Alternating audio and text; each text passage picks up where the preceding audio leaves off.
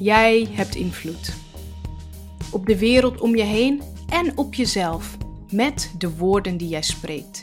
Dit is Revolutie, de podcast over de dynamiek van woorden. Mijn naam is Marina de Haan en ik neem je mee op deze revolutie van woorden.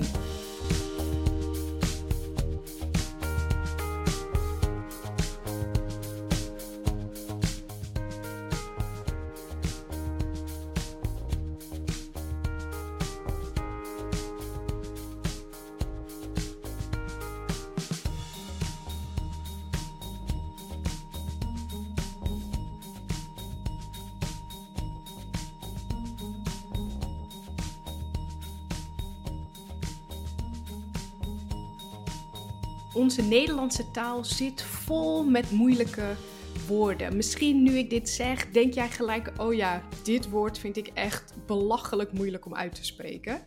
Een paar dagen geleden vroeg ik op Instagram welke woorden wij moeilijk vinden om te zeggen.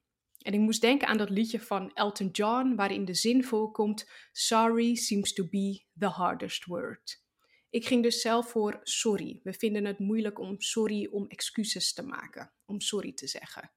Ik ging ook voor help, want vragen, hulpvragen vinden wij ook erg ingewikkeld om te doen. Dus ik ging voor sorry en help. En er kwamen heel veel eerlijke reacties op Insta. Maar ook oprecht een aantal hele moeilijke woorden om uit te spreken. Bijvoorbeeld geëquilibreerd. Ik weet niet of ik dit goed heb uitgesproken, maar ik hoop het wel. Dit woord betekent in evenwicht, in balans. Of wat dacht je van deze? Hippopoto, monstrose, skipe, daliofobie. Bedankt hè René voor het insturen van dit woord. Uitspreken lukt niet, typen ook bijna niet. Het grappige is trouwens dat dit woord het volgende betekent een fobie, een angst voor lange woorden, zoals het woord van de fobie zelf. Echt heerlijk. Maar er zijn nog veel meer moeilijke woorden. Er is zelfs een website vol moeilijke woorden. Een paar van mijn persoonlijke favorieten zijn deze: déjà vu gevoel. En dat komt voornamelijk door de, de klanken van de woorden. Je leest namelijk eigenlijk déjà vu maar het is volgens mij déjà vu gevoel. Reliquieën, ook lastig. En zand, zeep, sode, mineraalwater, steenstralen. Die laatste heb ik geoefend. Ik weet nog trouwens tijdens mijn studie journalistiek. We kregen radioles en eh, we moesten een tekst inspreken die iemand anders had geschreven. Dus ik volg goede moed die radiostudio in. En uh, ik kende één woord niet, ehm, maar, het, maar ik ging er gewoon van uit dat het geolide was. Dus ik lekker inspreken, werd ik daarna super raar aangekeken, want het was natuurlijk niet geolide. Wat is geolide? Het bleek dat het om geoliede ging. Top, lekker. Maar naast die oprecht moeilijke woorden om uit te spreken, kwamen er op Instagram ook oprechte antwoorden. Woorden die wij heel lastig vinden om te zeggen. Woorden die we liever niet hardop uitspreken, om wat voor reden dan ook. Misschien wel omdat die woorden ons kwetsbaar maken. Als je bijvoorbeeld zegt dat het niet goed met je gaat, dan maak je jezelf kwetsbaar. Of als je zegt dat je je gekwetst voelt, dan is er kans op conflict. En dat zijn allemaal redenen om die moeilijke woorden niet uit te spreken. In deze aflevering wil ik met jou over die woorden nadenken. Misschien zijn er nu al gelijk woorden in jouw gedachten gevallen woorden die jij vermijdt of liever niet zegt. Welke zijn dat? En waarom durf je ze eigenlijk niet te zeggen? Waarom heb jij moeite met deze woorden? Het is goed om daarover na te denken. En dat is precies wat we nu gaan doen.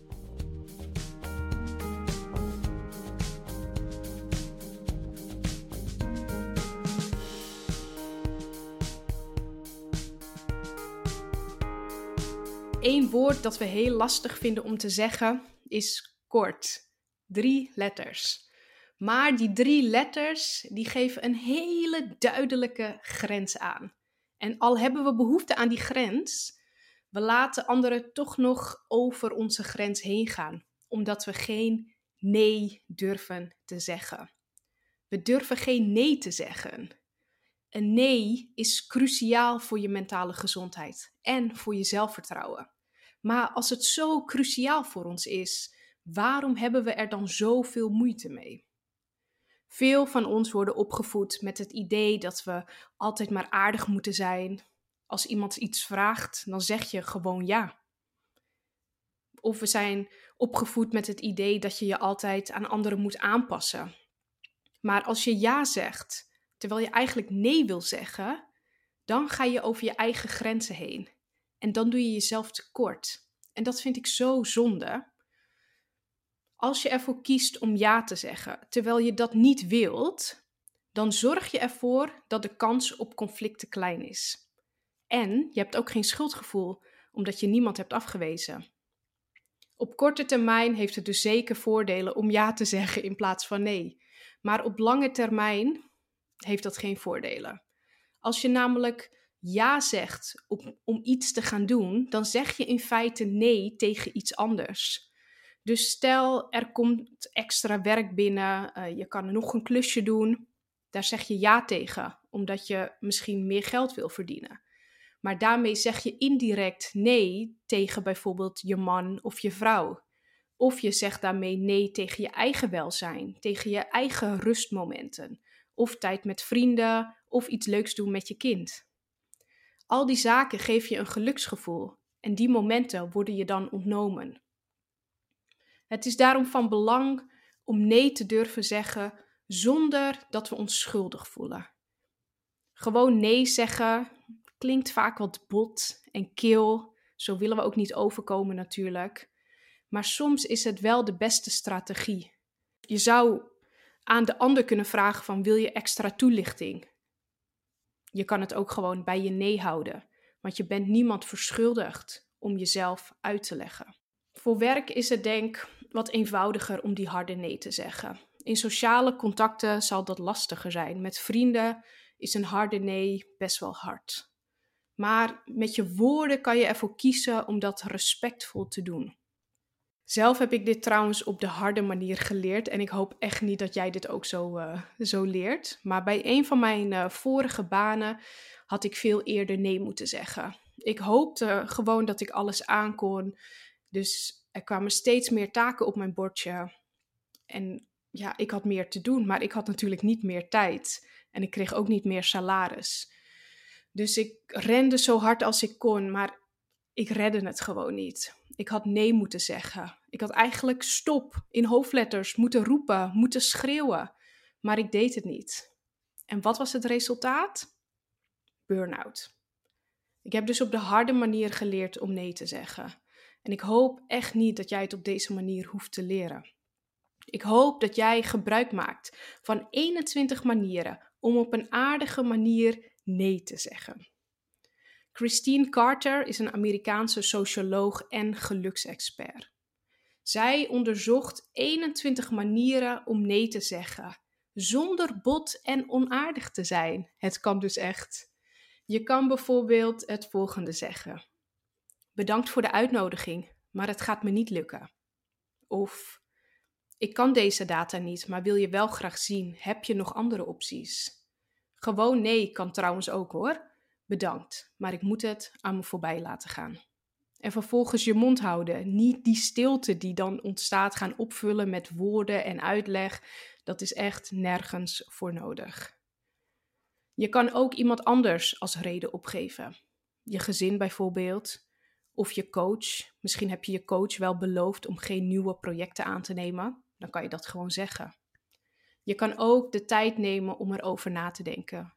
Soms overvallen vragen je, dat heb ik zelf wel eens. Als mensen soms iets vragen, denk ik, oh, ik weet het eigenlijk niet. Dan neem ik tijd om erover na te denken. Dan zeg je dus, ik denk erover na en kom er bij je op terug. Dan heb je nog ja, nog nee gezegd en dan kan je later altijd besluiten, wil ik dit echt of wil ik dit niet? En weet je, er bestaat trouwens geen perfecte nee. Want iedere situatie is anders. Ieder contact is verschillend. Maar oefening baart echt kunst. Probeer het gewoon. En je zal zien dat je je grenzen beter durft aan te geven.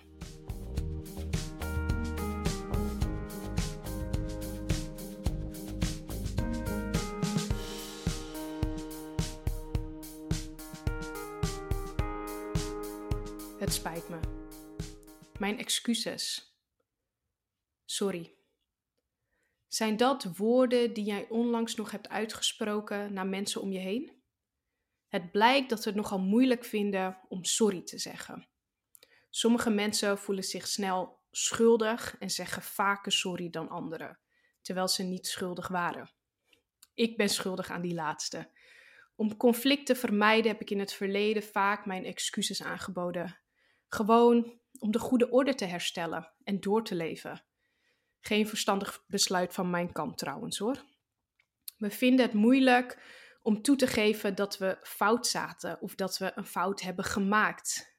En dat kan met koppigheid te maken hebben of met trots. Het kan ook zijn dat we er gewoon van overtuigd zijn dat de schuld altijd bij de ander ligt. De echte oorzaak dat wij moeite hebben om onze fout toe te geven en om excuses te maken, ligt dus een stuk dieper. Het weigeren van een excuses komt voort uit het willen beschermen van onze eigen kwetsbaarheid. En toch is het aanbieden van excuses juist iets heel moois en het kan ook heel veel brengen. Het geeft namelijk ruimte om conflict op te lossen. Het geeft ruimte om relaties en vriendschappen nog beter naar elkaar toe te trekken. Om elkaar nog beter te leren kennen. En daarom wil ik kort met jou vier voordelen delen van het aanbieden van excuses. De eerste is bijvoorbeeld, doordat jij sorry zegt, zal de lucht tussen jullie geklaard worden. Misschien ken je dat gevoel wel als er plotseling conflict is, dan kan de lucht, de lucht voelt dan vreemd en awkward. Maar als er een excuses komt, een oprechte excuses, dan zal die lucht geklaard worden en kan je elkaar gewoon in de ogen blijven aankijken. En sorry zeggen leert je ook om kwetsbaar te zijn. Het geeft je ruimte om nederig te zijn en te blijven. Een ander voordeel is dat de relatie met de ander hechter wordt. Het versterkt de relatie, zeg maar omdat je de oprechtheid hebt gezien in de ander. En daar sluit het vierde voordeel ook op aan. Want je zal meer respect hebben voor de ander. Omdat die oprechte, sorry, die oprechte excuses, die is waardevol. Die is dapper. En dat weten we allemaal. We weten allemaal hoe moeilijk het is om die excuses te maken. Dus als die gemaakt wordt, dan hebben we daar meer respect voor. Ik zei het net al eventjes. Ik heb vaak excuses aangeboden om de goede vrede te bewaren. Ik kan namelijk absoluut niet tegen stress en spanning en conflict. Dus dan bood ik gewoon gauw excuses aan, dan was het weer vredig en dan konden we door. Maar daardoor heb ik excuses gemaakt voor dingen waarvoor je geen sorry hoeft te zeggen. En daarom wil ik een paar van die punten nog met jou doornemen. Je hoeft bijvoorbeeld geen sorry te zeggen als je nee zegt, dan denken we vaak dat we eerst moeten excuseren om vervolgens nee te zeggen. Maar dat hoeft dus helemaal niet. Zoals ik net al zei, je bent geen verontschuldiging verschuldigd. Of je bent geen uitleg verschuldigd. Je hoeft ook geen sorry te zeggen over hoe jij je voelt. Je hoeft ook geen sorry te zeggen als je je eigen grens bewaakt. Of als je zelfliefde toepast en selfcare toepast, daar hoef je geen sorry voor te zeggen.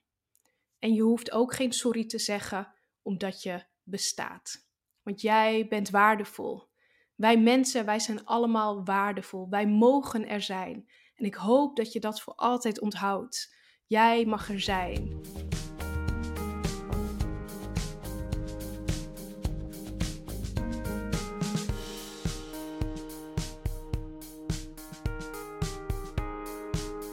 Als ik zeg kwetsbaarheid, dan denk jij wel misschien aan Brene Brown. Ik denk aan haar trouwens. Zij beschrijft in haar boek De kracht van kwetsbaarheid wat het betekent om kwetsbaar te zijn. Zij moedigt ons aan om kwetsbaar te durven zijn en om ons perfectionisme los te laten. Laat dat perfectionisme maar varen. Want niets is zo saai als perfectie. Dat zei Floris Bols in Flikken Maastricht in een van de laatste afleveringen die ik heb gezien. Niets is zo saai als perfectie. Maar we vinden het moeilijk om kwetsbare woorden te delen, om kwetsbaar te zijn in ons taalgebruik. We vinden het bijvoorbeeld moeilijk om dingen te zeggen zoals: Het gaat niet goed met me. Of Jij hebt mij pijn gedaan. Of Ik weet het niet. Ik voel me gekwetst. Als we die woorden niet durven uitspreken, dan kan de ander ons nooit volledig leren kennen. Je weet niet waar iemands grens ligt, namelijk. Wij zien kwetsbaarheid vaak als teken van zwakte. Alhoewel, ik hoop dat na al die kwetsbaarheidspleidooien waar Brene Brown er heel veel van heeft gegeven, dat het juist al veranderd is. Dat we het niet langer zien als teken van zwakte, maar dat we kwetsbaarheid zien als de weg naar moed, naar betrokkenheid en naar betekenisvolle verbindingen. Het is niet eenvoudig om kwetsbaar te zijn met onze woorden. Dat weet ik. Want je voelt je kwetsbaar als je die woorden uitspreekt. Je voelt je breekbaar en broos. Maar weet je, het is het risico waard. De ander is het risico waard om in vertrouwen te nemen. Brene zegt dat zelf zo treffend. Zij zegt: kwetsbaarheid is de geboorteplaats van liefde van verbondenheid, vreugde, moed, empathie en creativiteit. Laten we daarom ook die kwetsbare woorden omarmen en durven uitspreken naar de ander. Zo'n kwetsbaar woord of zin is bijvoorbeeld: Ik hou van je.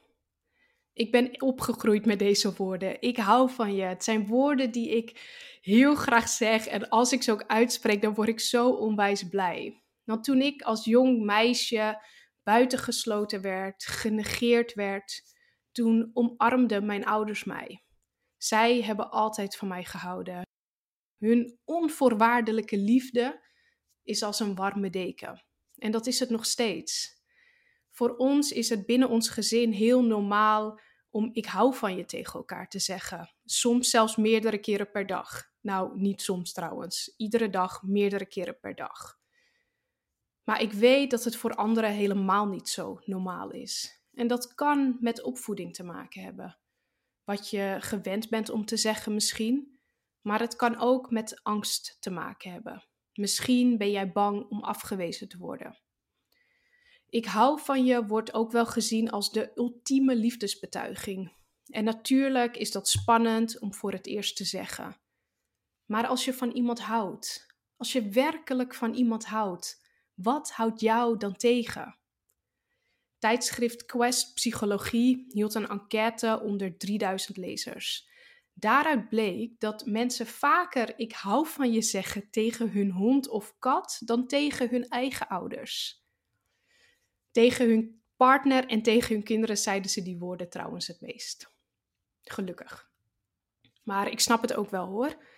Als je ik hou van je tegen iemand zegt en je hoort het niet terug, het blijft stil, dat is spannend. Dat is een risico. Dat voelt breekbaar. Maar het leven is kort hier. In een oogwenk is dit leven voorbij. Je kan je leven nog zo op de rit hebben en plotseling word je ziek, krijg je een ongeluk, gebeurt er iets, plotseling is er lijden in je leven. Het leven is kort. Ons doel is volgens mij to love and to be loved. Daar is ook een liedje over, van David Bowie. Ons doel hier op aarde is om lief te hebben, om de ander te zien. En liefhebben, onvoorwaardelijk van iemand te houden, dat kan met woorden. Maar doen wij dat ook? Ik hoop het wel. Ik hoop dat wij onze woorden inzetten om een ander lief te hebben, om een ander te zien, om de ander een beter persoon te maken. Ik hoop dat we onze woorden gebruiken om, om lief te hebben.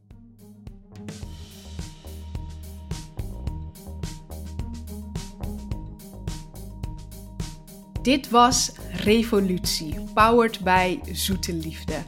Leuk dat je luisterde. Blijf op de hoogte door Zoete Liefde te volgen op sociale media. En wil je meer weten over storytelling of workshops? Ga dan naar onze website zoeteliefde.com.